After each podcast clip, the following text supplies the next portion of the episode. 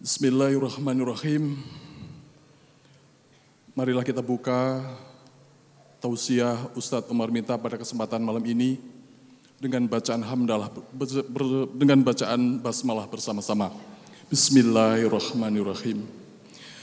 Para jamaah sekalian, syukur kepada Allah alhamdulillahirabbil alamin bahwa pada kesempatan malam ini kita mendapat kesempatan untuk bertatap muka dengan Ustadz Umar Mita yang akan memberikan tausiahnya kepada kita mengenai kehidupan.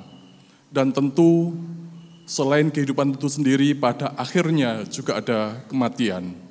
Karena itu pada kesempatan malam ini, Ahad 25 Februari 2018, tausiah pada kesempatan malam ini akan mengambil satu tema, merenung dari kematian. Untuk itu para jemaah sekalian, kita siapkan niatan yang ikhlas untuk mendengarkan tausiah beliau dan mudah-mudahan ini menjadi bagian dari uh, belajar kita untuk mendapatkan banyak pelajaran kehidupan sebelum kita pada akhirnya menemui apa yang dinamakan kematian. Demikian apa yang saya hantarkan ini mudah-mudahan bisa menjadi persiapan ya kita siap menerima berbagai tausiah beliau. Demikian, langsung saja kita akan mendengarkan ulasan dari Ustadz Umar Mita mengenai tema tersebut. Silakan Ustadz. Assalamualaikum warahmatullahi wabarakatuh. Innal hamdalillah wassalatu wassalamu ala Rasulillah wa ala alihi wa sahbihi wa man tabi'ahum bi ihsan ila yaumil qiyamah. Bapak dan Ibu yang semoga Allah rahmati dan Allah berkahi, ikhwan dan akhwat yang semoga Allah rahmati dan Allah berkahi pula. Alhamdulillah kita senantiasa bersyukur kepada Allah atas nikmat yang begitu besar, kebaikan Allah tidak terhingga dalam kehidupan kita.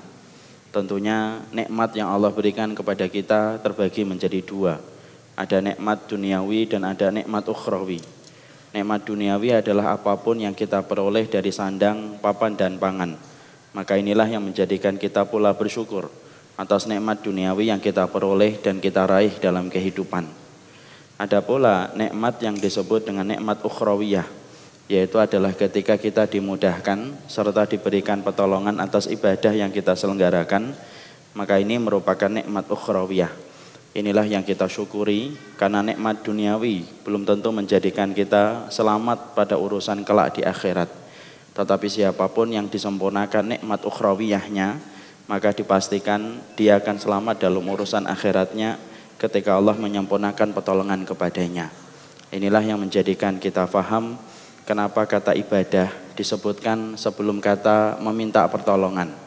Setiap kita membaca surat Al-Fatihah, ada satu ayat yang kita ulang satu hari 17 kali minim yaitu adalah iya karena butuh wa iya karena stain kepadamu ya Allah kita meminta kita beribadah dan kepadamu pula kita meminta pertolongan. Kenapa kata meminta pertolongan disebutkan setelah kata ibadah? Padahal salah satu makna ibadah itu meminta pertolongan. Dijelaskan oleh para ahli tafsir karena ibadah yang kita selenggarakan kalau bukan karena pertolongan Allah, tidak mungkin ibadah itu lahir dalam kehidupan kita. Inilah yang kita syukuri setiap waktunya dan setiap saatnya. Kita juga bersyukur pada kesempatan hal ini kita berjumpa dan bersua secara langsung. Sebelumnya tidak pernah kita bertemu secara face to face. Sedikit bahasa Inggris ya, karena di kota Pare. Walaupun bisanya cuma face to face ya. Setelah sekian lama kita tidak pernah bertemu secara face to face ataupun online, tapi kita hari ini bertemu secara langsung. Nikmat inilah yang Allah berikan kepada kita, walaupun ini merupakan malam yang terakhir saya berada di kota Kediri. Kota ini membuat saya jatuh cinta walaupun dua hari baru datang ke sini. Jadi insya Allah moga-moga untuk diberikan keberkahan, diberikan kebaikan sebagaimana pula kita di tempat yang lainnya. Ikhwan yang semoga Allah rahmati dan Allah berkahi. Sesungguhnya pembicaraan kita dan tema yang akan kita selenggarakan pada kesempatan hari ini memang sesuai dengan pertemuan kita yang terakhir, yaitu tema penutup. Dan kita bicara tentang penutup kehidupan, yaitu adalah kematian. Karena tidak ada nasihat yang paling baik kecuali nasihat yang kita peroleh dari kematian. Maka saya akan membuka dengan sebuah penjelasan yang disampaikan oleh Abdullah Atusturi rahimahullahu taala yang dinukil oleh Imam Al-Qurtubi dalam kitabnya At-Tadkirah li Ahwalil Mauta wa Umuril Akhirah. Pada kitab itu Abdullah Tusturi beliau itu berkata, sesungguhnya manusia yang senang dan tidak terlalu berat memandang kematian terbagi menjadi tiga kelompok. Jadi orang yang senang memandang kematian itu tiga kelompoknya. Yang pertama yaitu adalah kelompok orang kafir yang mereka memandang kematian itu remeh dan tidak terlalu memberatkan diri memandang kematian.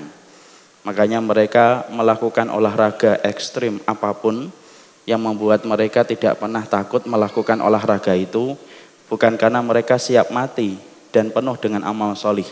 Tetapi sesungguhnya mereka tidak tahu apa yang menunggu mereka ketika mati sampai mereka berpikir bahwasanya kematian itu ringan dan tidak perlu direpotkan dengan memikirkan beban yang berat dalam kematian. Antum melihat ya, banyak orang kafir ini kalau kita buka YouTube melakukan olahraga-olahraga ekstrim yang konsekuensinya itu nyawa. Ada yang naik sepeda di puncak gunung. Ada yang menjatuhkan dirinya dari puncak ketinggian dengan seutas tali. Ada yang terjun pakai papan skateboard, macam-macam itu. Seakan-akan mereka tidak takut untuk mati. Bukan mereka tidak takut untuk mati. Ternyata mereka tidak tahu apa yang menunggu mereka ketika mati sampai akhirnya mereka merasa senang dan enjoy memandang kematian. Padahal dia tidak tahu urusan barzah itu semacam apa dan tidak mengerti urusan akhirat itu kayak apa. Jadi kalau kita ada melihat ada orang kafir, orang dolim kok berani nantangin semua orang, itu bukan karena siap mati, tapi karena dia tidak tahu yang menunggunya kalau mati apa saja yang menjadikan mereka meremehkan perkara itu. Kelompok yang kedua, ketika memandang kematian itu senang, yaitu adalah mereka yang putus asa dengan nasib takdir yang tidak menggembirakan hatinya. Sehingga ketika mereka mendapati ada persoalan dalam hidupnya yang berat, kemudian dia merasa kematian itu akan menjadi tempat dia melepaskan diri dari takdir yang berat ketika di dunia. Akhirnya mereka mandang kematian itu senang. Seakan-akan kematian itu rehat dari masalah yang membelit mereka ketika di dunia. Makanya kita lihat ada orang yang putus cinta, kemudian menempuh jalan pintas, mati bunuh diri. Kemudian ada yang terlilit utang, kemudian dia mati bunuh diri. Ada yang dikejar debt collector, dia akhirnya menempuh mati bunuh diri. Kenapa dia mati bunuh diri? Apakah dia tidak tahu? Sesungguhnya dia tahu. Cuma dia tertipu ketika masalahnya itu berat, imannya terlalu ringan, akhirnya tidak mampu menanggung beban yang berat ketika imannya rapuh. Akhirnya memandang kematian itu kayak fata morgana ini obat dari rehatnya, beratnya takdir yang saya hadapi. Makanya akhirnya dia mati bunuh diri. Bukan karena siap menghadapi kematian, tapi karena dia merasa bahwasanya kematian itu bisa mengistirahatkan dia dari beban yang berat. Tertipu dengan fata morgana karena imannya terlalu rapuh memandang apa yang terjadi setelah kematian. Ada yang ketiga, kelompok yang ketiga itu orang yang beriman yang mereka ketika memandang kematian itu senang pula. Ketika memandang kematian senang dia. Kenapa memandang kematian itu senang? Karena di situ dia paham kematian itu merupakan dua kebaikan. Satu, pintu untuk menuju dan bertemu dengan Allah. Dua, dia menikmati musim panen atas ibadah yang dia lakukan itu ketika mati. Makanya maaf saya dan antum tidak akan bisa memperoleh pahala sholat kita menikmati panennya dari setiap ibadah yang kita lakukan dalam sholat kecuali nanti setelah mati. Kita tidak bisa menikmati bagaimana ibadah kita ketika tahajud di waktu malam kalau kita tidak mati. Karena segala sesuatu ada musimnya.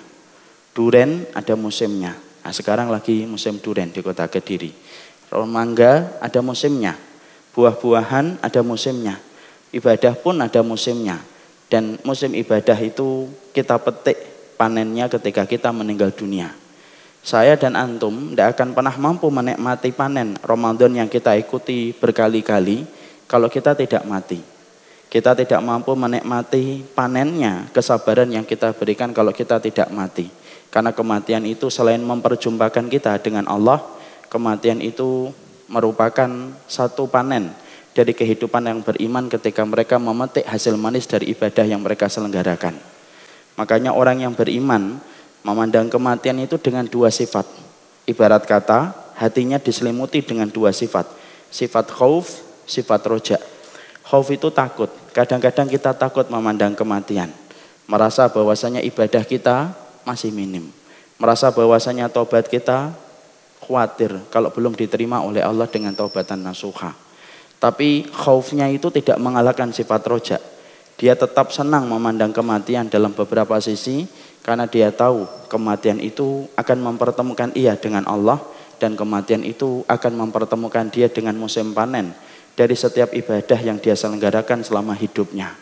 Di situlah kita faham orang yang memandang kematian itu terbagi menjadi tiga kelompok. Satu, tidak kita pikir. Dua, kelompok yang kedua tidak pikiran kita. Yang ketiga, itulah yang menjadi keinginan kita. Memandang kematian antara khauf, takut, dan rojak berharap supaya betul-betul tidak sampai khauf itu mengalahkan rojak, rojak tidak mengalahkan sifat khauf ketika memandang kematian. Makanya Rasulullah Shallallahu Alaihi Wasallam kemudian beliau bersabda, "Faman ahab balika Allah ahab liqa'ahu, wa man kariha liqa Allah karihallahu liqa'ahu." Makanya Rasulullah Shallallahu Alaihi Wasallam menyampaikan kepada kita, barang siapa yang senang ketemu dengan Allah, maka Allah jauh lebih senang ketemu dengan hamba itu. Ya. Ujian yang pertama. Maka kemudian sesungguhnya Rasulullah bersabda, barang siapa yang kemudian senang ketemu dengan Allah, maka Allah itu jauh lebih senang ketemu dengan dia. Tapi barang siapa yang benci ketemu dengan Allah, maka sesungguhnya Allah pun lebih murka dan lebih benci bertemu dengannya sebagaimana dia benci bertemu dengan Allah. Di situ kita menjumpai ternyata orang yang senang ketemu dengan Allah, dia menabung harapan dan menabung sebuah keinginan. Allah akan senang ketemu dengan dia sebagaimana Allah itu mendapati hamba itu senang ketemu dengan Allah. Inilah yang menjadikan kita ingin memiliki sifat bagaimana kita senang ketemu dengan Allah karena menanamkan sebuah kondisi hati yang bisa menjadikan kita senang memandang kematian itu tidak gampang dan tidak mudah. Karena dunia membuat kita cenderung senang kepada dunia dan penik-peniknya. Setan selalu menarik kita supaya kita senang dengan apa yang kita peroleh dalam urusan dunia. Makanya senang pada kematian itu harus dilatih. Dilatih dengan sebuah latihan dan terapi ilmu. Sampai betul-betul kita senang bertemu dengan Allah. Supaya Allah pun senang bertemu dengan kita. Dan itulah harapan kita. Antum bisa bayangkan, antum ketika senang ketemu dengan Khalik, Khalik itu lebih senang ketemu dengan kita. Dan apakah ada keberuntungan yang lebih besar daripada keberuntungan seorang makhluk ketika dia pulang ke sisi Allah, Allah lebih senang ketemu dengan dia daripada dia senang ketemu dengan Allah, saking besarnya keberuntungan yang semacam ini. Saya akan sampaikan satu riwayat untuk menggambarkan bahwasanya Allah itu senang ketemu hambanya ketika hamba itu senang ketemu dengan Allah. Ada seorang sahabat dalam satu riwayat Abu Dawud. Ada seorang sahabat itu bernama Abdullah bin Haram.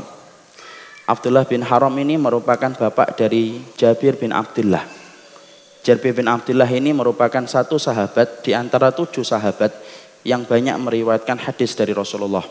Ada Jabir, ada Ibnu Umar, Ibnu Abbas, Sa'id Al-Khudri, Nu'man bin Bashir, ada Aisyah radhiyallahu anha. Maka itu merupakan nama-nama sahabat yang paling banyak meriwayatkan hadis dari Nabi. Salah satu di antara tujuh orang yang paling banyak meriwayatkan hadis dari Nabi itu adalah Jabir bin Abdullah. Jabir bin Abdullah ini punya bapak, namanya Abdullah bin Haram. Maka Abdullah bin Haram itu sepuh dan tua. Tetapi Abdullah bin Haram itu senang dengan jihad, menegakkan kalimat Allah. Walaupun beliau sudah tua dan sepuh, yang secara hukum pandangan syariah beliau itu sudah kena mendapatkan dispensasi hukum untuk tidak berjihad karena kondisi tua dan sepuhnya. Tapi beliau selalu meminta kepada Rasul supaya diberikan izin untuk ketemu, supaya diberikan izin untuk berjihad. Karena beliau tahu salah satu di antara puncak amalan Islam itu adalah berjihad.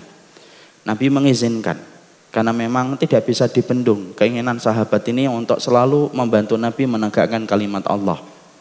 Sampai akhirnya dalam satu peperangan Abdullah bin Haram ini akhirnya gugur dan meninggal dunia.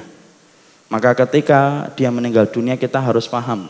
Orang musyrik itu kalau mendapati muslim mati, dimutilasi. Karena orang musyrik itu bencinya sama Islam itu luar biasa.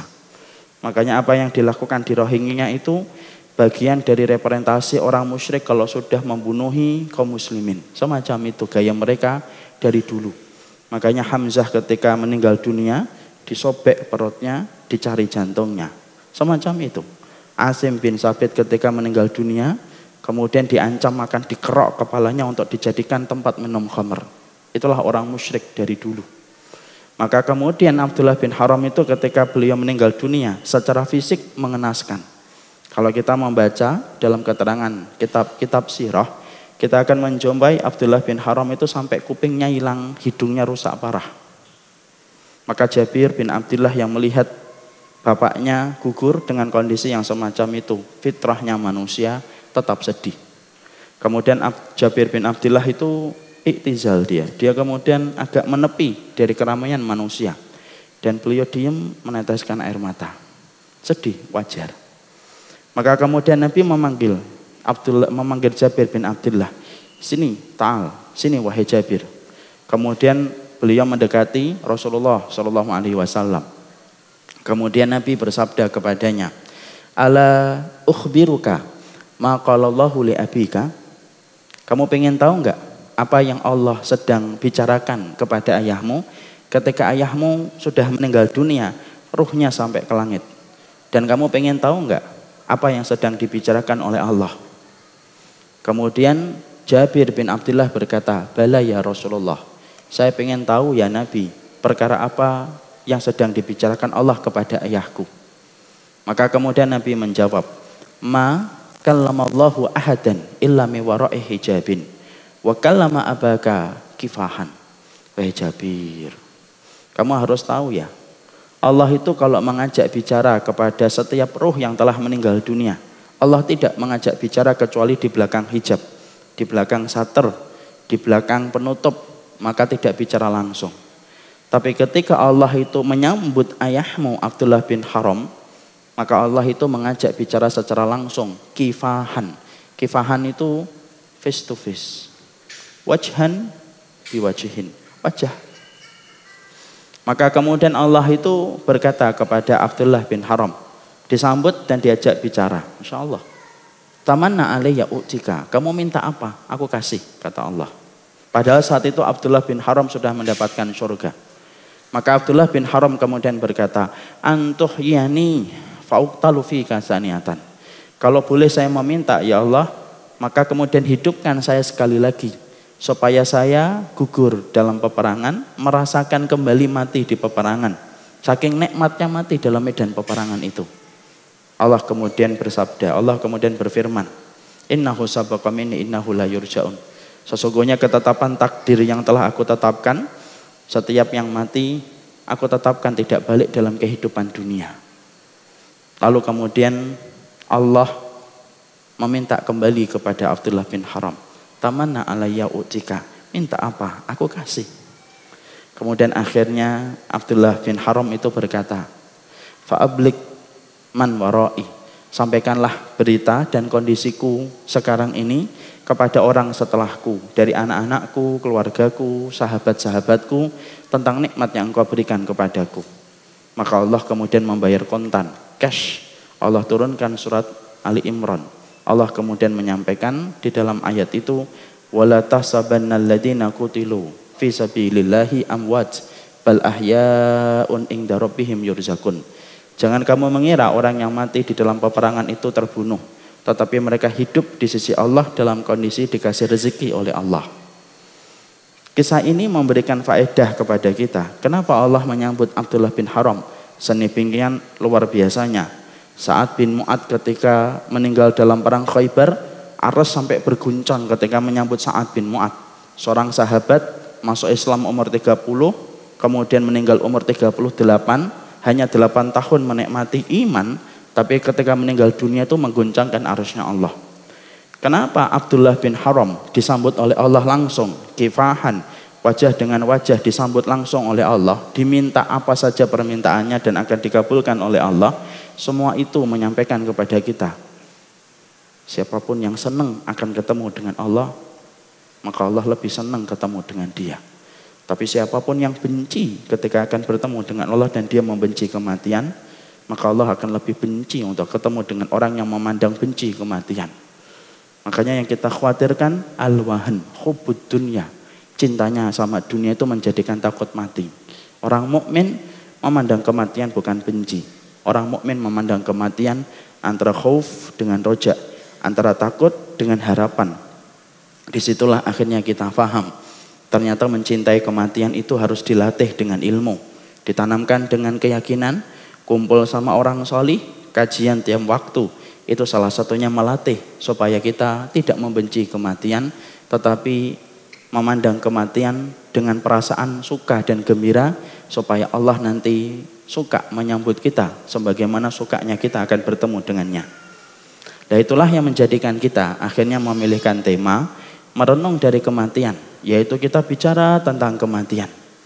Kita ingin tahu tentang bagaimana sifat kematian.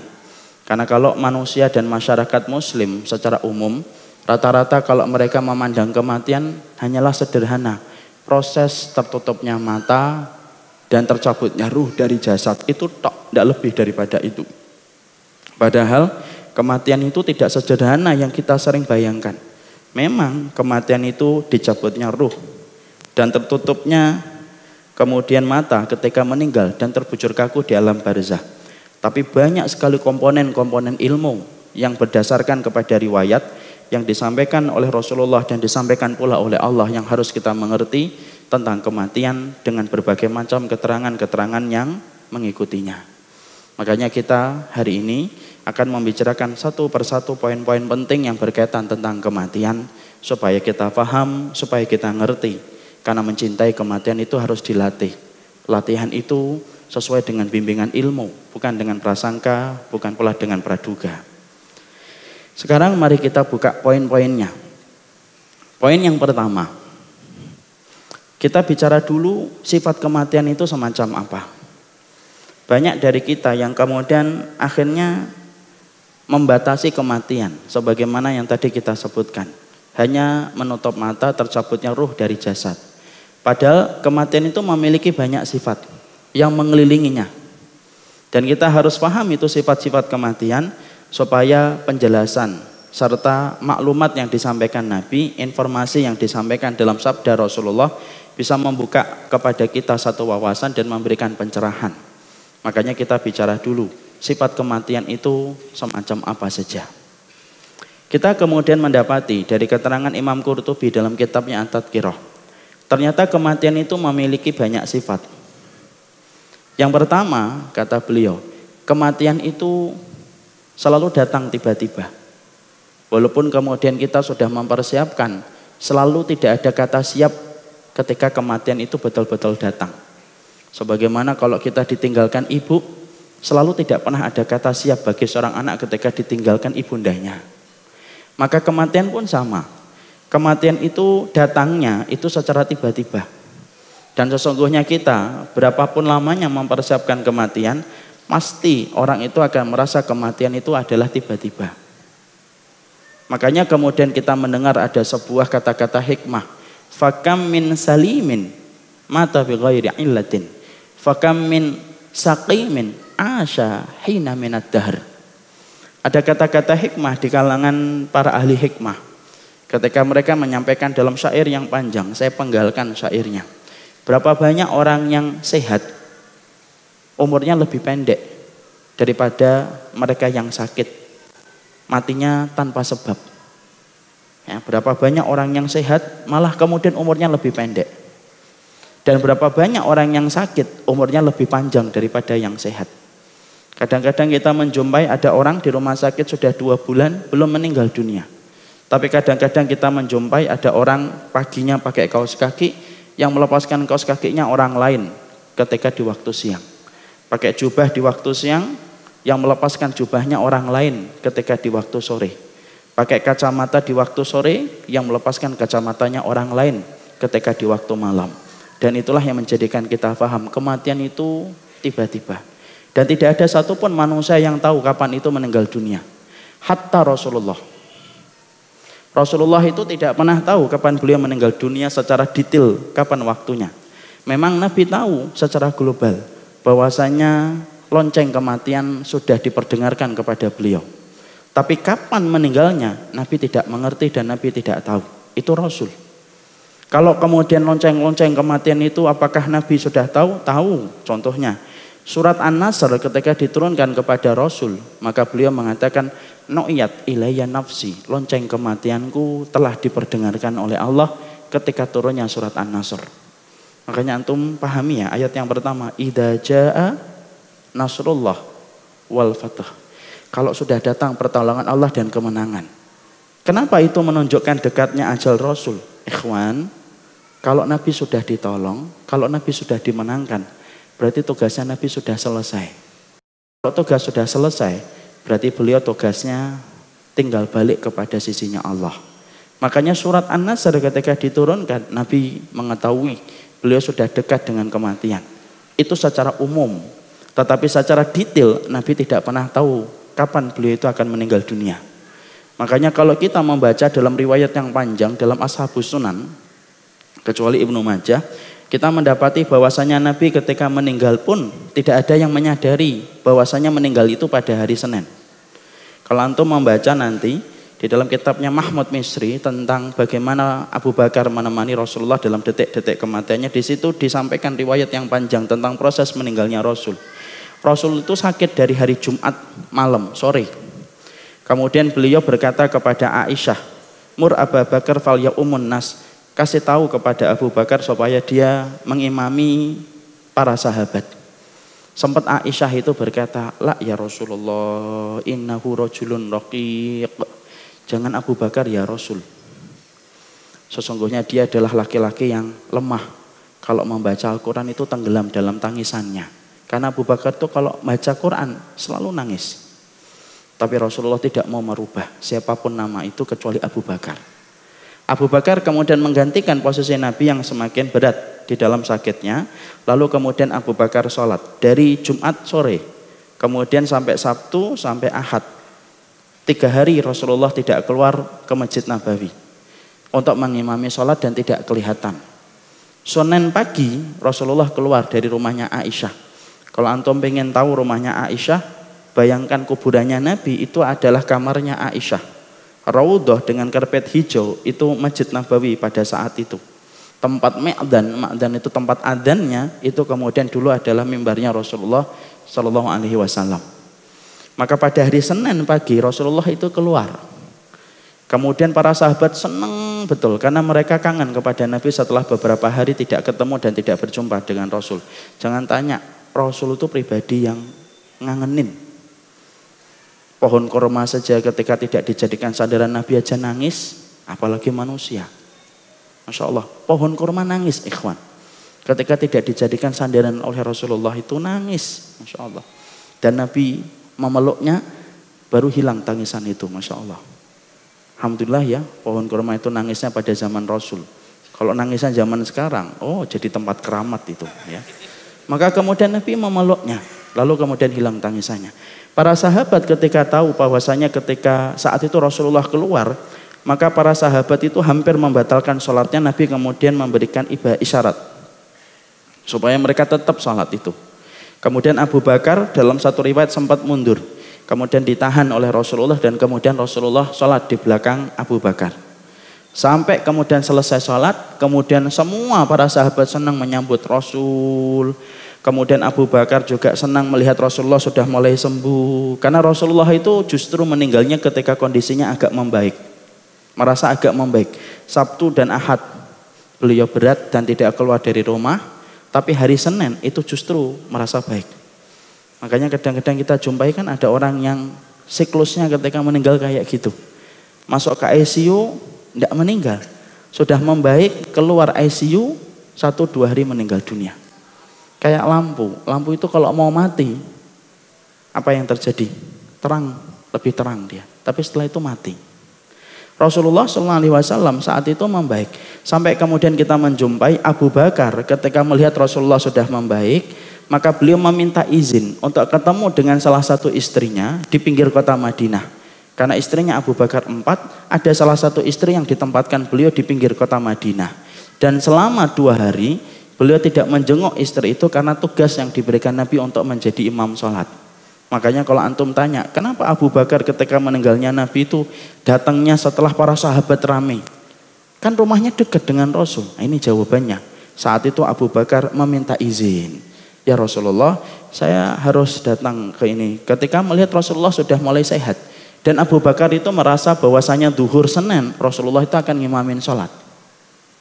Makanya kemudian saat itu Masya Allah kondisinya semacam itu. Rasulullah pun tidak tahu bahwasanya hari itu memang ditakdirkan beliau untuk meninggal dunia. Beliau masuk ke rumah kemudian tiduran di atas pangkuan Aisyah semakin berat semakin berat. Pada saat itulah sakratul maut kemudian sudah mulai datang.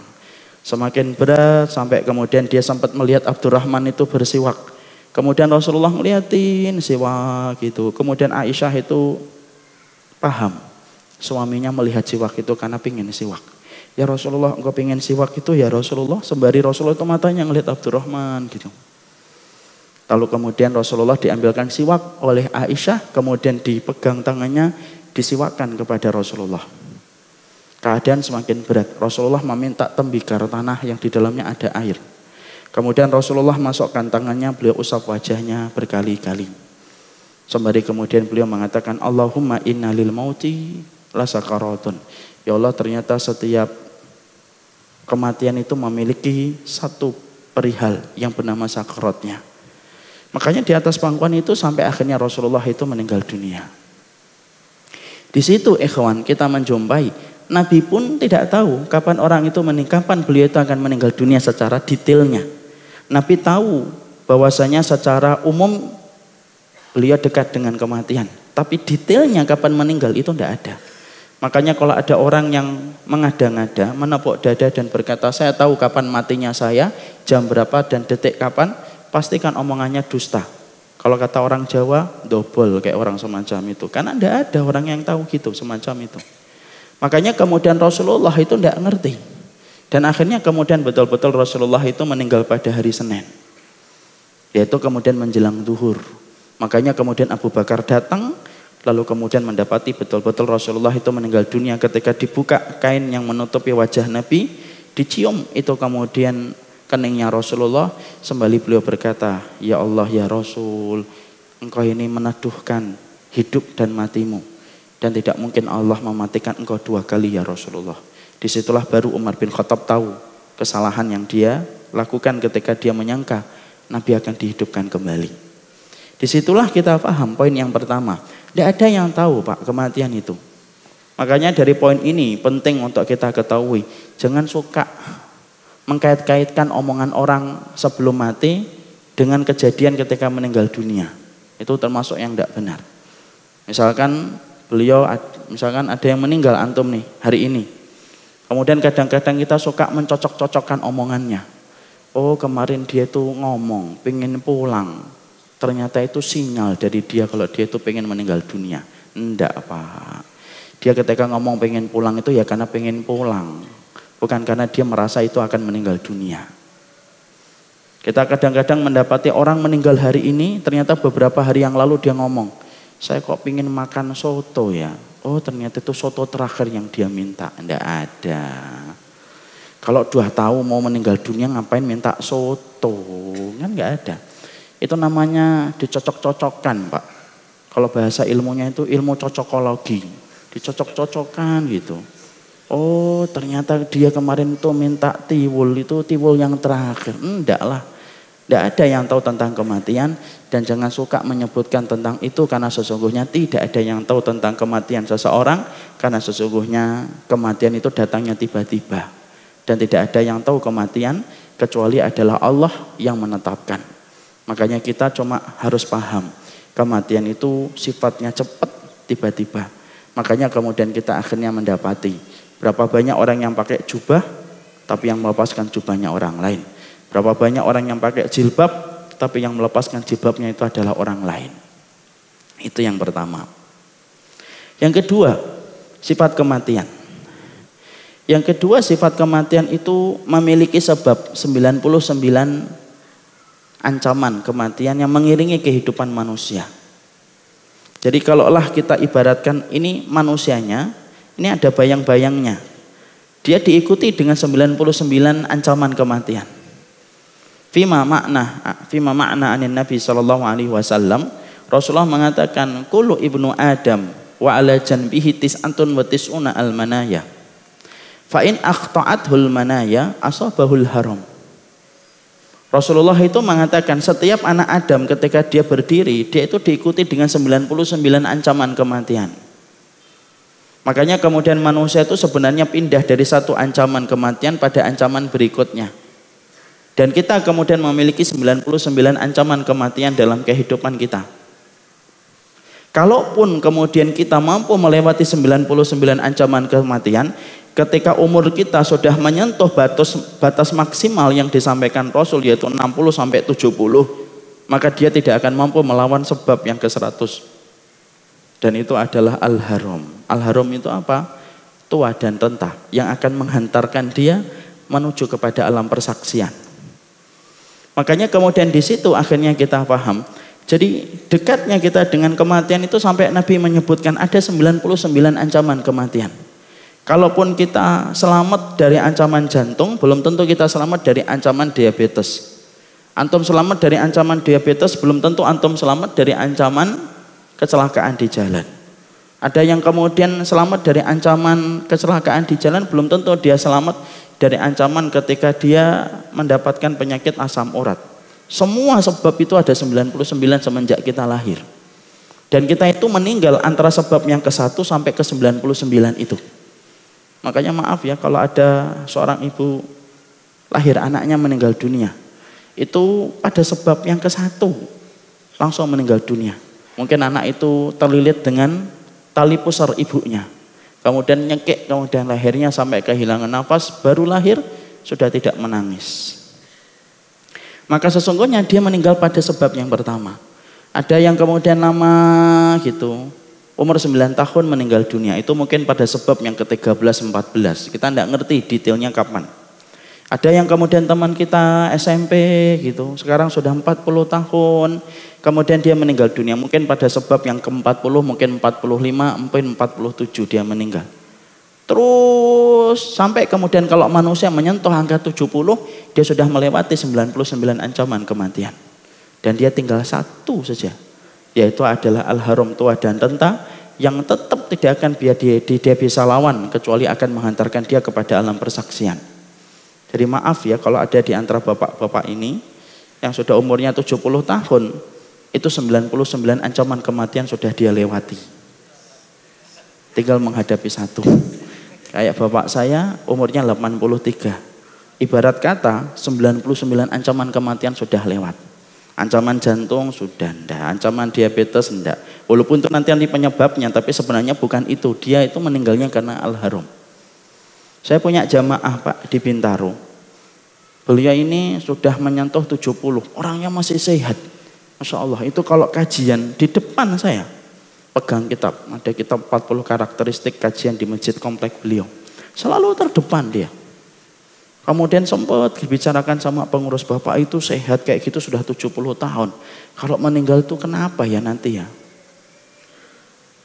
Ternyata kemudian sekian lama setahun atau dua tahun habis pembicaraan itu, ternyata kemudian beliau akhirnya meninggal juga. Dan meninggalnya apa? Bukan jantung, bukan diabetes, bukan asam urat, tapi meninggalnya adalah ketika habis sholat maghrib, beliau pulang sebentar, tiba-tiba ada motor anak muda berandalan kenceng tanpa lampu. Nabrak beliau ketika pakai sepeda. Langsung meninggal di tempat. Itulah kematian, kita tidak pernah tahu. Makanya sebabnya itu ada 99. Antum misalkan datang ke dokter di diagnosa. Jantung sehat, Pak. Diabetes normal, asam urat normal. Jangan kemudian kita merasa bebas dari kematian. Tidak ada. Kita tinggal nanti pindah dari ancaman itu ke ancaman berikutnya. Makanya kemudian ada sebuah kisah nyata. Isya. Ya. Kelihatannya baru lima menit ya.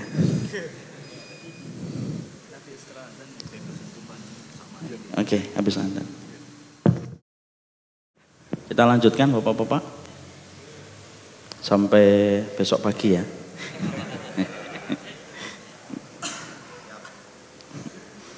Yang jawab siap satu orang. Kita lanjutkan sebentar, insya Allah sampai setengah delapan, walaupun memang materinya cukup panjang. Yang kedua, itulah yang kita dapatkan. Makanya poin yang kedua, sifat afan, sifat yang kedua, poin yang pertama, di situ saya pernah mendapati satu berita nyata. Jadi berita yang kemudian saya baca di salah satu portal berita. Mungkin antum pernah ingat memori antum tentunya tidak lupa kejadian kecelakaan pesawat Sukhoi yang menabrak yang menabrak Gunung Putri di daerah Bogor. Tahukah kita bahwasanya pesawat itu sebenarnya direncanakan direncanakan untuk melakukan uji coba terbang beberapa kali dalam hari itu. Ternyata naas pada takdir pada penerbangan yang pertama mengalami kecelakaan. Maka kemudian di situ ternyata banyak penumpang yang asalnya sudah direncanakan untuk menaiki pesawat itu pada penerbangan uji coba yang pertama di shift yang pertama. Tapi ternyata banyak calon-calon penumpang yang tidak jadi naik. Ya, karena memang penerbangan flight pertama itu diisi dengan para pejabat dan lain sebagainya yang punya koneksi tentang penerbangan. Ada yang tidak jadi berangkat kena macet, ada yang tidak jadi berangkat ketika mereka punya urusan penting dan akhirnya ngundur pada penerbangan yang kedua dengan berbagai macam alasan. Saya membaca dalam salah satu portal berita yang unik adalah ada salah satu calon penumpang pada penerbangan yang pertama, dia tidak jadi naik pada penerbangan yang pertama karena kondisi jalanan macet. Ternyata akhirnya dia baru tahu ketika pesawat itu mengalami takdir dan musibah naas. Maka kemudian tidak jadi. Dia selamat dari kecelakaan pesawat Sukhoi. Dia merupakan salah satu orang yang cukup dikenal di daerah Jakarta. Ternyata beberapa bulan kemudian, kemudian ada kabar beliau meninggal dunia kena serangan jantung. Di situ kita paham kan, sebenarnya beliau diselamatkan dari ancaman pesawat Sukhoi, tapi ternyata beliau tidak selamat pada ancaman penyakit jantung yang beliau dapatkan. Di situlah kita paham, sebenarnya manusia itu hanya berpindah dari satu ancaman kepada ancaman berikutnya dari satu ancaman kepada ancaman berikutnya. Dan ingat saya dan antum memiliki 99 ancaman kematian. Dan kita hanya pindah dari satu ancaman kepada ancaman berikutnya. Itu yang kedua. Yang ketiga kita harus memahami. Yang ketiga yang harus kita kemudian paham sesungguhnya kematian itu ada hubungan erat dengan rezeki. Ini termasuk di antara pelajaran akidah yang nanti kita akan dapatkan karena banyak orang yang memisahkan antara kematian dengan rezeki. Seakan-akan tidak ada hubungannya dan tidak ada koneksinya. Salah. Sesungguhnya kematian itu punya koneksi yang kuat dengan rezeki. Sebagaimana rezeki itu punya koneksi yang kuat dengan kematian. Makanya Nabi pernah menyebutkan tentang sifat rezeki. Bahwasanya Nabi berkata, rezeki itu akan datang kepada dirimu sebagaimana kematian itu akan datang kepada dirimu. Apa yang kita pahami dari sifat yang ketiga kematian? Saya dan antum tidak akan pernah dimatikan oleh Allah dan diwafatkan sampai kemudian rezeki kita disempurnakan oleh Allah. Makanya ketika kita bicara kematian, maka kematian itu menjadikan kita ini tenang. Ketika kita paham sifat kematian itu tidak akan dimatikan kita sampai sempurna kematian yang kita, sampai sempurna rezeki yang kita peroleh. Makanya orang kalau memahami ini tenang hidupnya. Tidak perlu nyenggol yang haram, tidak perlu nyenggol yang syubhat. Dan tidak perlu nyenggol hal-hal yang kemudian dibenci oleh Allah. Kenapa? Karena dia tahu kematian itu ada kaitannya erat dengan yang dinamakan dengan rezeki. Nabi sampai beliau bersabda, la yamuta ahadun hatta yastawfiya rizquha. Tidak akan mati seseorang itu sampai rezeki yang paling terakhir yang dia dapatkan itu dia peroleh. Baru dia dimatikan oleh Allah. Makanya dalam asar dari Hasan al-Basri rahimahullahu taala Sampai Hasan al-Basri itu mengatakan dan menceritakan, setiap orang itu didatangi oleh malaikat maut seharinya tiga kali. Sembari malaikat maut itu membawa catatan rezeki orang itu. Kalau catatan rezekinya masih ada, ditinggal. Nanti datang yang kedua. Tetapi Hasan Al Basri tidak menceritakan detail kapan tiga waktu ketika malaikat maut datang untuk memeriksa catatan rezeki kita. Kalau yang kedua masih ada, ditinggal lagi. Kemudian datang yang ketiga. Makanya kita hari ini masih hidup, duduk di sini, ya karena rezeki kita masih ada. Makanya kemudian ada sebuah riwayat untuk menjelaskan tentang masalah ini. Ada sebuah tulisan dari seorang ulama ketika menjelaskan tentang sifat kematian, bahwasanya kematian itu tidak akan disempurnakan sampai kita mendapatkan rezeki secara sempurna. Yaitu adalah kisah nyata. Ada seorang ulama yang kemudian beliau itu kemudian sedang jalan, tiba-tiba mendengar suara teriakan minta tolong. Ternyata suarakan teriakan minta tolong itu datang dari sumur. Kemudian beliau mendekat kepada sumur itu dan ternyata ada orang. Diselamatkan kemudian orang itu dan ketika diselamatkan sampai ke atas. Basah kuyup orang itu, kemudian setelah agak tenang orang itu meminta segelas air. Ada air enggak? Ada. Ulama itu berusaha mencarikan air.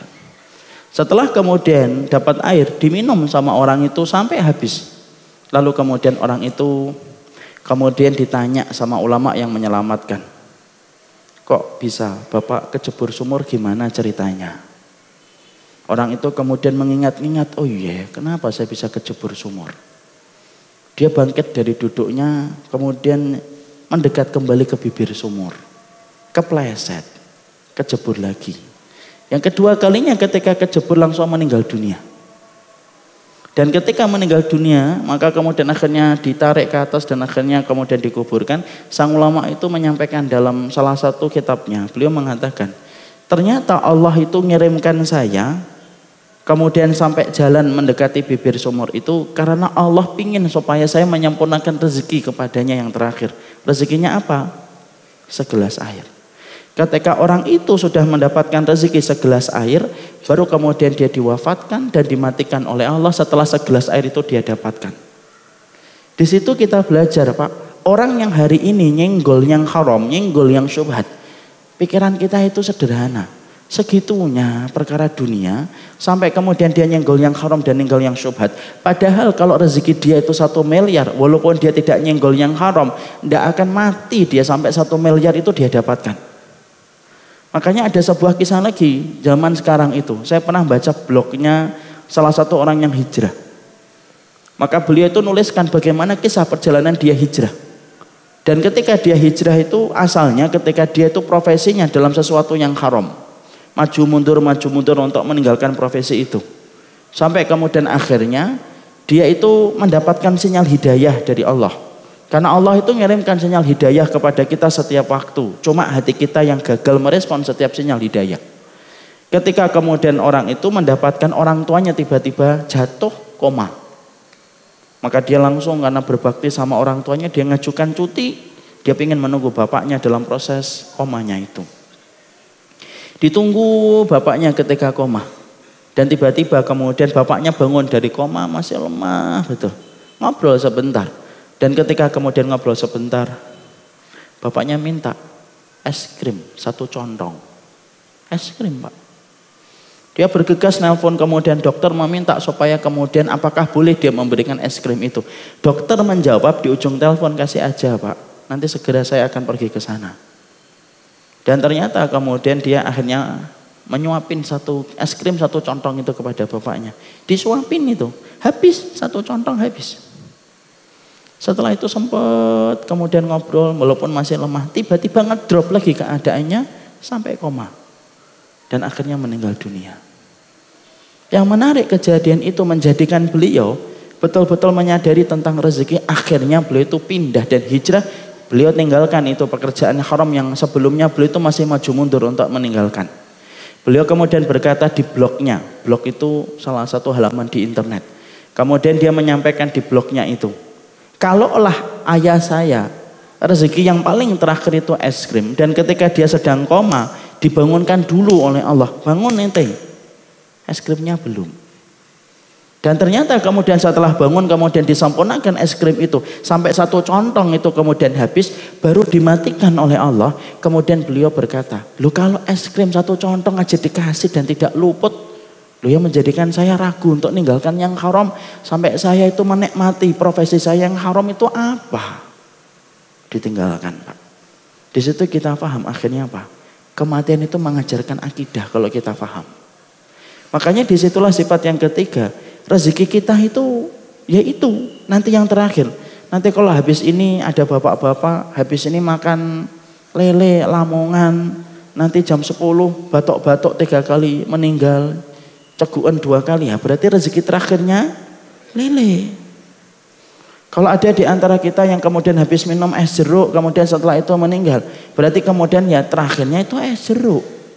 Tapi yang jelas adalah, tidak usah khawatir. Rezeki kita itu sudah dijamin, Pak. Makanya kemudian tidak perlu kita ragu meninggalkan yang haram karena tidak akan dimatikan kita sampai rezeki kita sempurnakan, disempurnakan oleh Allah. Itu yang ketiga. Sifat kematian yang keempat, poin yang pertama, yaitu sifat kematian. Yang keempat itu apa sifat kematian? Yang keempat, sifat kematian itu memiliki sakaratul maut. Semua orang merasakan sakaratul maut. Yang tidak merasakan sakaratul maut cuma satu, orang yang mati syahid di jalan peperangan ketika membela kalimat Allah. Ya jitu ahadukum kama silkarsah. Orang yang meninggal dalam peperangan itu sebagaimana digigit semut. Makanya orang yang mati syahid kata Nabi, tidak ada penduduk surga yang pengen balik ke dunia padahal di dunia itu miskin kecuali satu. Orang yang meninggalnya mati syahid. Saking indahnya mati syahid. Tapi selain orang yang mati syahid, semuanya merasakan sakaratul maut. Makanya Rasulullah pun merasakan sakaratul maut. Makanya saya pernah mendengar satu video dari salah satu ustadz mengatakan Rasul itu tidak merasakan sakaratul maut. Saya mencintai beliau karena Allah, tapi video itu salah. Rasul merasakan sakaratul maut. Makanya sakaratul maut itu kita harus paham. Sebelum kita membahas sakaratul mautnya Nabi, sakaratul maut itu apa sih Ustaz? Sakaratul maut itu sakarat rasa sakit yang didapatkan sebelum menjelang kematian. Itu namanya sakarat. Dan Rasulullah itu sakaratul mautnya itu dua kali sakaratul maut orang biasa. Ya. Makanya kemudian kita mendapati Rasulullah itu sampai berkali-kali mengatakan Allahumma inna lil mauti la sakaratun. Sampai ketika Ibunda Fatimah masuk ke rumahnya Aisyah saat itu ngelihat Rasulullah itu nangis. Rasulullah memberikan isyarat supaya Ibunda Fatimah itu mendekatkan kupingnya ke mulutnya Rasul. Kemudian tambah nangis Ibunda Fatimah. Nabi ketika melihat Ibunda Fatimah tambah nangis karena beliau putri yang paling beliau cintai. Kemudian Rasulullah memberikan isyarat supaya Ibunda Fatimah kembali mendekatkan kupingnya. Dibisikan yang kedua.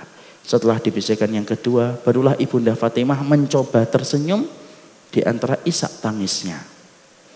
Ketika sudah meninggal Rasulullah, Ibunda Aisyah nanya, yang dibisikkan Nabi apa yang membuatmu menangis? Yang dibisikkan Nabi apa ketika membuatmu tersenyum? Kemudian Ibunda Fatimah menjawab, Rasulullah itu berbisik pada bisikan yang pertama. La karba ala abiki ba'da hadal yaum. Sudah jangan nangis, jangan sedih wahai Fatimah. Tidak ada lagi kesulitan yang didasarkan oleh ayahmu setelah hari ini. Di situ saya paham, berarti Rasulullah kemungkinan hari itu meninggal dunia. Yang dibisikkan yang kedua, Rasulullah mengatakan innaki min ahli akrabu minni lohukon. Kamu adalah keluargaku yang paling cepat nyusul aku nanti. Dan ternyata betul. Siapa putrinya Rasulullah yang paling cepat nyusul Rasulullah? Ibunda Fatimah. Tapi Rasulullah merasakan sakratul maut, merasakan. Makanya kemudian Nabi itu sakitnya dua kali, sakitnya apa ya? Makanya sakratul mautnya dua kali sakratul mautnya orang biasa. Imam Qurtubi menjelaskan kenapa Nabi sakratul mautnya itu dua kali orang biasa. Satu, supaya memberikan pelajaran bagi umatnya. Kalau Nabi yang paling aku cintai aja sakratul maut, apalagi antum yang bukan Nabi bukan Rasul. Yang kedua, kenapa Nabi sakratul mautnya itu dua kali orang biasa? Karena Nabi mendapatkan balasan puncak tertinggi ketika di surga Makanya surga tidak pernah dibuka kecuali yang mengetoknya pertama kali adalah Rasulullah. Makanya sakaratul maut itu ada Pak. Dan sakitnya itu berat. Makanya orang yang sakaratul maut itu kenapa kok nggak bisa teriak-teriak gitu. Sakitnya berlapis-lapis. Makanya akhirnya diem dia. Paling-paling apa? Antum lihat kalau sakaratul maut itu. Kalau diem gini biasanya air mata di sini. Kenapa tidak ngomong ya Ustadz? Loh, kalau ngomong masih bisa ngomong, itu logikanya masih belum kalah dengan rasa sakitnya. Makanya bisa ngomong, aduh sakitnya itu belum mengalahkan logika berpikir. Antum ketika ada yang batu ginjal atau tiba-tiba sakit, kok masih bisa aduh, itu karena sakitnya masih bisa di logika. Enggak mengalahkan logika orang. Tapi sakratul maut sakitnya itu berlapis-lapis, sudah mematikan logika sampai mengatakan aduh itu tidak bisa. Pernah nggak antum dapat yang orang sakaratul maut? Aduh, nggak ada. Diem mereka itu. Dan kalau diajak ngomong biasanya bu, itu nangis di sini. Sakitnya luar biasa. Makanya tidak ada itu sakaratul maut itu kayak kemudian di sinetron gitu. Di atas pangkuan istrinya. Istriku nanti jaga anak-anak ya. Jaga rumah jadilah istri yang solihah. Mati, enak banget kalau ngomong kayak gitu. Tidak ada yang kayak gitu. Makanya kemudian sakaratul maut itu berat. Makanya dinamakan sakarat. Makanya sampai kemudian kita mendapati, sampai kita mendapati ibunda Aisyah itu berkata, Makuntu akhbit, saya itu giptoh dulu. Giptoh itu iri. Kalau saya melihat ada orang kok matinya kelihatannya gampang ya. Kok kelihatannya tek mati. Saya iri dan ingin dimatikan kayak gitu. Tapi setelah aku melihat bagaimana Rasulullah itu meninggal di atas pangkuanku, aku tidak pernah lagi giptoh kepada orang yang mati tampaknya mudah. Kenapa? Karena aku tahu bagaimana beratnya kematian yang sejatinya. Setelah melihat Rasulullah itu meninggal di atas pangkuanku. Makanya Masya Allah sakratul maut itu berat betul. Sakrat itu. Belum nanti intinya sakratul maut itu menuju kepada naza. Naza itu apa? Cabutnya ruh. Dengan jadaba, kalau jadaba itu gini namanya jadaba ini, narik biasa. Kalau naza dari kata naza'a, ini kayak gini nih. Ini namanya naza'a. Makanya tarik. Dan kita tentunya paham ya. Pernah bayangin nggak kalau kita sedang dengar cerita tentang kisah orang kalau disiksa di rumah di penjara, kukunya dicabut dengan kemudian apa itu dengan tang. Bayangin aja ngilu, itu baru kuku. Dan kita bisa bayangkan kalau kemudian orang meninggal dunia kemudian di atas dicabut gitu. Padahal itu kemudian ruh. Wong jempol kaki kita ada rambutnya aja dicabut kita demam kok. Ini ruh dicabut. Makanya kemudian orang ketika sakratul maut diem aja dia. Diemnya itu bukan kemudian dia itu tidak merasakan apa-apa. Tidak, justru sakit yang berlapis-lapis. Sampai mengatakan aduh sudah nggak mampu dia. Makanya lihat orang sakaratul maut itu diem, kadang-kadang lihat ke atas. Kenapa yang lihat ke atas Ustaz? Karena kemudian dia didatangin. Kalau dia orang yang beriman, yang mendatanginya itu malaikat. Makanya Rasulullah itu mengatakan dalam hadis riwayat Barak bin Azib. Istaidu min adabil qabr. Pelindung dari adab kubur. Tiga kali Nabi mengulang-ulang sembari mukulkan tongkatnya itu tiga kali. Kemudian Nabi berkata, Idza kanal mu'min fi inqita'i minat dunya wa iqbalu minal akhirah ja'ahul malaikah minal malaikah ma'ahum kafanu min akfanil jannah wa hanutu min hanutul miski Orang itu kalau akan meninggalkan dunia dan datang dalam urusan akhiratnya, maka datang kepadanya itu malaikat. Kalau dia orang yang beriman, malaikatnya membawa pakaian putih, membawa kain kafan, membawa minyak wangi. Kemudian kalau dia bukan orang yang beriman, malaikatnya datang hitam dan menyeramkan, membawa dua barang, kain kafan dari neraka, pecut yang diambil dari neraka. Fajalasu indamutil basar. Dan mereka duduk, malaikat itu sejauh mata dia memandang. Makanya yang turun, satu, malaikat maut. Penyebutannya itu malaikat maut. Kemudian duduk di atas kepala, Pak. Makanya kemudian orang itu kalau sakratul maut, pertama kali yang dingin mana? Telapak kaki dia, dingin dia. Makanya kalau bapak ngelihat orang meninggal dunia itu, kakinya langsung pertama kali kaku muter dia, gerak dikit dia, langsung kaku dia. Ke atas, di atas. Kenapa? Dari sini dia nyebutnya. Makanya ketika kita mentalkin itu sebelah kanan. Pelan-pelan kalau mentalkin itu. La ilaha illallah. Jangan buru-buru kata Imam Qurtubi nanti memberatkan hatinya. Menyesakkan dadanya. Gak usah la ilaha illallah, la ilaha illallah. Ayolah pak, gak usah gitu. Bila ilaha illallah dipegang kepalanya. Kemudian kalau sudah sakratul maut diem aja dia. Jangan pernah meninggalkannya. Karena itulah medan pertempuran terakhir kalinya ketika setan masih berusaha mengajak dia untuk murtad dari agama Allah. Makanya orang itu kalau sudah ibunya sakratul maut dampingin. Yang nangis-nangis pergi dulu. Supaya tidak menyesakan dada. Orang dengar orang nangis itu sesek dada pak. Yang nangis-nangis pergi dulu. Kalau nggak berhenti tangisannya, murotal dimatikan dulu. Tenang keadaan. Ditalkin pelan-pelan di telinganya. La ilaha illallah. Ya, sampai nanti kalau dia beriman, Allah yang meneguhkan. Makanya Allah yang menggerakkan bibirnya kalau dia beriman. Sebagaimana surat Ibrahim. Yusabbitullahu alladhina amanu bil qawli thabit fil hayati dunya wa fil akhirah. Allah teguhkan orang yang beriman omongannya di dunia dan di akhirat. Makanya dia kalau beriman mengucapin la ilaha illallah. Makanya kalau ditalkan sudah ngucapin itu sudah, jangan diajak bicara lagi. Alhamdulillah ya Pak, Alhamdulillah, nah, talkin lagi. Berarti ucapan terakhirnya itu Alhamdulillah. Ya, makanya kemudian ditalkin pelan-pelan itu. Sakitnya berat, ngeliatin gitu. Sampai akhirnya ketika dicabut nazak sudah mulai datang, ngelewatin itu. Dan yang paling terakhir ngikutin roh itu apa? Mata. Makanya Nabi kemudian berkata, Inna ruh idha tabi tabi'ahul basar. Ruh itu kalau dicabut, yang paling setia ngikutin ruh kalau dicabut itu mata.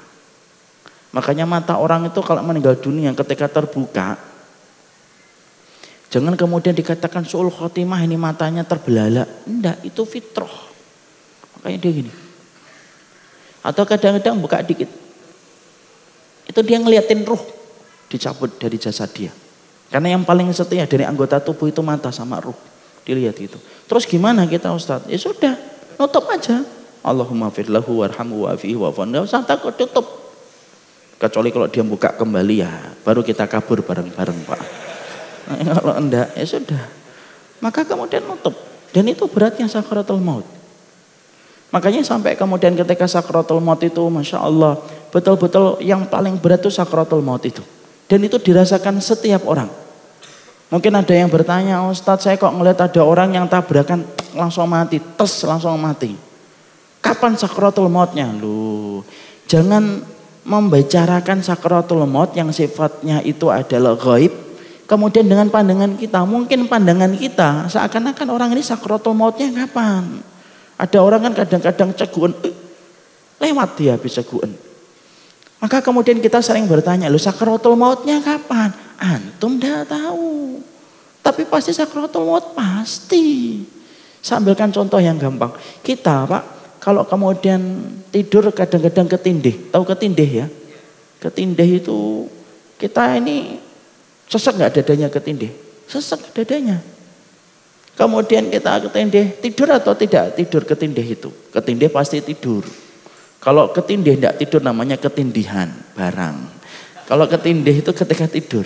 Kemudian perhatikan orang di sampingnya, istrinya contohnya, itu melihat suaminya ketika ketindih, itu melihatnya kayak orang tidur biasa atau tidak? Kayak orang tidur biasa, tidak tahu kalau suaminya ketindih gitu, suaminya gini-gini gitu. Sampai kemudian, uh, itu baru kita bangun. Ya kan gitu kan? Masya Allah.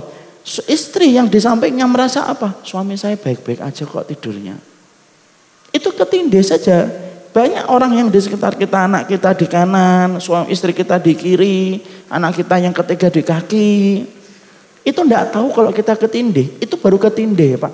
Gambaran sakratul maut itu kayak gitu. Mata kita ini sering nipu. Merasa bahwasanya, eh, orang ini kok sakratul mautnya kapan? Antum tidak ngerti. Sebagaimana orang tidak ngerti ketika saudaranya sedang ketindih. Makanya gambaran sakaratul maut itu pasti dirasakan itu. Dan yang paling berat nazaknya itu yang paling berat. Makanya kalau orang sudah sakaratul maut itu sudah tidak usah diajak bicara talqin aja di sebelah kanannya ini pegang kepalanya. Pelan-pelan gitu.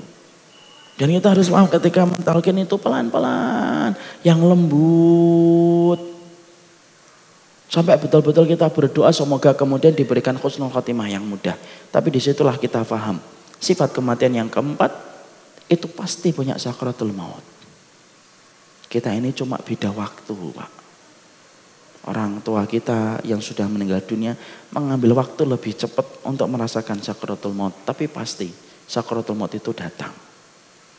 Kemudian yang kelima, sakratul maut itu eh kemudian kematian itu yang kelima sifatnya apa? Kematian itu sehidup seakhirat satu kali. Tidak ada orang yang kemudian mati sampai dua kali, tidak ada. Sehidup seakhirat matinya satu kali. Orang kalau sudah mati, tek, sudah. Tidak akan lagi mati lagi. Tidak ada lagi kematian setelah kematian yang pertama. Karena sesungguhnya setiap orang ketika mereka sudah meninggal, ketika merasakan pintu kematian, pintu kematian itu sehidup seakhirat satu kali. Makanya nanti ketika dia mendapatkan nikmat ketika dikubur ataupun mendapatkan adab ketika dikubur, tidak mati. Makanya sampai orang di dalam neraka pun Allah tidak pernah mensifati mati. Allah cuma mengatakan apa? La yamutu fiha wala ya ya dia tidak mati tidak hidup. Kalau mati penduduk neraka enak sejenak dia istirahat dari siksa. Oh tidak ada kok. Makanya kemudian kita membaca dalam hadis yang panjang, ada sebuah hadis panjang gitu. Ketika Allah mengumpulkan manusia nanti di padang mahsyar, maka kemudian Allah itu memanggil makhluknya. Yang dipanggil itu al-maut Ainal maut? Mana kematian itu? Datang kematian itu kepada Allah. Karena maut itu kematian sebagaimana karena maut itu makhluk sebagaimana hidup itu makhluk. Maut datang kepada Allah diserupakan dengan sebagaimana domba yang gemuk oleh Allah. Kemudian Allah penggal kepala kematian itu. Makanya semenjak Allah memenggal kematian, kata Khalidina fiha diterapkan. Makanya penduduk neraka itu sampai minta mati aja tidak bisa. Ya Allah, matikan saya. Tidak muluk-muluk dia, tidak minta surga dia. Dia tidak muluk-muluk minta surga, cuma minta satu, matikan ya Allah. Itu pun tidak dimatikan oleh Allah. Itulah penduduk neraka. Kenapa? Semenjak Allah menyembelih kematian, semenjak itu kata Khalidina fiha diterapkan. Makanya orang mati itu sekali saja Pak, seumur hidup, seumur akhirat. Tidak ada lagi kemudian kematian yang kedua, yang ketiga, yang keempat, enggak. Bahkan kalaupun ditakdirkan masuk surga tidak pernah mati, ditakdirkan masuk neraka tidak pernah mati selama-lamanya. Setiap kemudian dia seksanya sampai menyentuh dia dengan kematian, kulitnya diganti dengan kulit yang baru. Masya Allah ya. Dalam surat An-Nisa itu. Kita, kita harus paham ya Pak. Kenapa Allah itu kalau nyiksa penduduk neraka itu dikatakan setiap kulitnya itu kemudian apa kulitnya sudah habis. Kulamana dijat julutuhum. Kemudian di, ketika kulitnya habis diganti dengan kulit yang baru. Kenapa api neraka itu tidak pernah nyentuh tulang? Sampai kemudian tulang itu gosong. Tapi cukup kulit itu habis diganti kulit yang baru. Para dokter kulit menyampaikan ilmunya karena kalau manusia terbakar itu yang paling sakit adalah ketika api itu menyentuh kulit. Karena apa? Kulit ini jutaan syaraf terkumpul di kulit, Pak. Kalau sudah habis tinggal tulang, sakitnya sudah tidak terlalu berat. Sakitnya tidak terlalu perih. Allah tidak pernah membiarkan api neraka untuk membakar tulang. Kalau kita melihat dalam surat An-Nisa tadi yang saya bacakan, setiap kulit habis, badal julu dan gairah haliyadukul adab. Diganti dengan kulit yang baru supaya dia merasakan adab yang pedih. Makanya tidak pernah mati. Kenapa? Ketika mau mati, kulitnya baru lagi. Bakar lagi, kulit mau ini, ganti kulit yang baru. Makanya kehidupan itu hanya memiliki satu kematian. Sehidup, seakhirat, satu kali mati. Dan itu memiliki sakaratul maut. Dan ada proses nazaknya. Dan itulah yang kita jumpai. Kemudian yang berikutnya yang keenam. Sifat kematian itu akan memindahkan kita ke alam barzakh karena sesungguhnya dia pintu memindahkan kita ke alam barzah itu dengan kematian. Kenapa disebut dengan barzakh? Kalau kita merujuk kepada surat Al-Mu'minun ayat yang ke-100 disebutnya barzakh itu karena tembok yang tebal yang tidak mampu ditembus itu barzakh. Makanya tidak ada Pak kejadian ruh itu balik ke dunia mendatangi kembali rumahnya. Karena kalau ada ruh yang bisa balik ke rumahnya, berarti penamaan alam dengan alam barzah itu batal. Ketika masih ada ruh yang bisa balik. Makanya ruh itu dia akan berpindah ke alam barzah dan dikatakan barzah itu tembok yang tebal yang tidak mampu ditembus itu namanya barzakh. Tidak ada Ustaz kisah dan riwayat bahwasanya roh itu balik? Tidak ada. Balik ke rumahnya gitu. Nanti sedih Pak, ternyata rumahnya dijual. Loh, kok dijual ya? Nah, terus pada pindah ke mana? Tidak ada. Makanya kalau sudah meninggal, dia pindah ke alam barzah. Dan alam barzah itu alam yang tidak bisa ditembus. Ada nggak roh bergentayangan Ustaz? Tidak ada roh bergentayangan. Dan kalau kita sampai mengatakan itu, maaf ya, berarti kita secara tidak langsung menuduh Allah itu tidak mengurus ruh ketika telah meninggal dunia. Padahal yang menggenggam semua ruh itu Allah. Tapi ada kok orang mati bunuh diri, malamnya kelihatan lagi orang yang mati bunuh diri itu. Itu seton. Karena setan itu bisa menyerupai wajah manusia. Sekali-kali kita bahas itu alam setan nanti sekali-kali oleh kemudian Ustadz di sini. Setan itu bisa menyerupai apa saja Pak. Makanya kemudian kalau setan itu wujudnya kepada manusia, itu setan yang menyerupai wajah manusia. Tidak ada ruh bergentayangan, tidak ada. Makanya gambaran hantu itu tidak ada kan. Gambaran hantu itu orang setiap bangsa itu kan beda-beda. Kalau orang Amerika pakai jas putih, giginya runcing, Dracula. Kalau orang Cina lompat-lompat. Kalau ada kertas kuning di sininya berhenti. Yang paling ngenes itu Indonesia, ngesot. Sama kemudian lompat-lompat, kemudian pakai, kemudian. Itu karena imajinasi. Tidak ada ruh bergentayangan itu. Tapi ada kok orang yang kemudian dikatakan oleh Rasul. Itu ada. Yaitu adalah nafsul mu'min mu'allaqatun bena sama iwal ardi bidaini yatayuk dodainuhu. Karena ada itu dalilnya Ustaz. Orang yang punya hutang tergantung antara langit dan bumi sampai dia hutangnya dibayarkan. Itu bukan bergentayangan. Dia kesakitan ketika dia itu hutangnya itu belum dibayar. Bukan kemudian dia gentayangan gitu, muter-muter gitu. Lah ngapain? Wong hidup di dunia aja jarang jalan-jalan, kok mati malah jalan-jalan. Ada banyak urusan yang harus dia urus ketika di alam barzah. Tidak ada bergentayangan. Dia merasakan sakit, itu maksud hadisnya. Bukan kemudian dia jalan-jalan, berkentayangan, apalagi kemudian pakai rok mini, si manis jembatan ancol, Masya Allah ya Allah. Sampai mati aja masih maksiat. Hidup maksiat, mati maksiat. Lu emang kita kira hidup ini tidak ada Allah apa? Itulah kalau tidak paham akidah. Di situlah kita ngerti sifat kematian yang ke enam. Sifat kematian itu yang ke enam apa? Kematian itu akan memindahkan kita ke alam barzah. Disebutnya alam barzah karena tidak bisa ditembus. Makanya orang kalau sudah meninggal dunia tidak bisa balik dia. Ada nggak ruh-ruh yang mereka bergembira ketika meninggal? Ada penjelasan dari Imam Qurtubi, hadisnya dihasankan oleh beliau. Ruh itu Pak, kalau mereka betul-betul dalam keadaan baik, maka kemudian dia itu nanti akan kumpul dengan ruh-ruh yang baik. Dan kalau mereka menyambut keluarganya yang baru datang, mereka nanya, gimana keadaan keluarga kita? Dan itu panjang riwayatnya. Tapi di situ kita faham sifat kematian itu ada enam. Itu poin yang pertama, sifat kematian. Apa poin yang kedua, tiga, empat, lima, enam, tujuh, kapan-kapan kita bahas insya Allah. Sudah setengah delapan. Ya. Dan memang waktunya terbatas. Memang harusnya kajian ini disampaikan daurah dari pagi sampai siang, tapi tidak apa-apa setidaknya kita ngerti tentang merenung kematian walaupun baru membahas sifat kematian itu sendiri. Tapi di situlah kita memahami mencintai kematian itu harus dilatih. Makanya baca Quran ngelatih mencintai kematian. Kumpul orang solih ngelatih bagaimana kita mencintai kematian.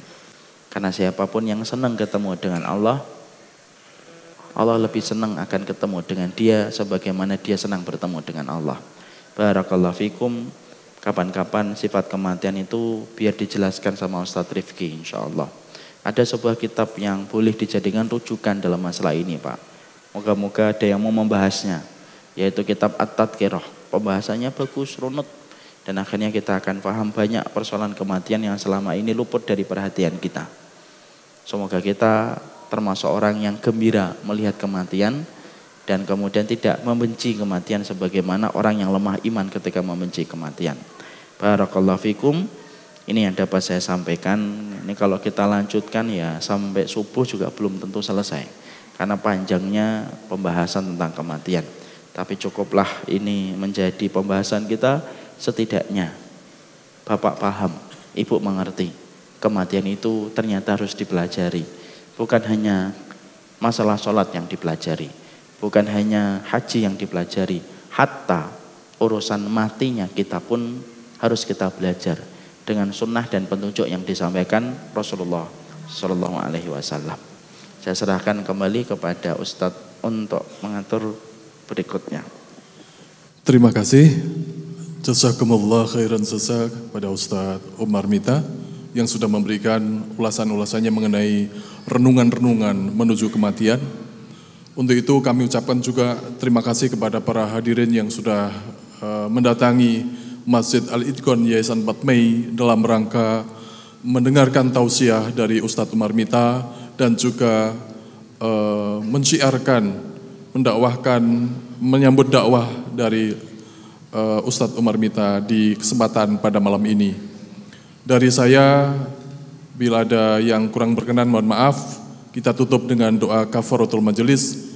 Subhanakallahumma wa bihamdika asyhadu an la ilaha illa anta wa astaghfiruka wa atubu ilaih. Billahi taufiq wal hidayah. Wassalamualaikum warahmatullahi wabarakatuh.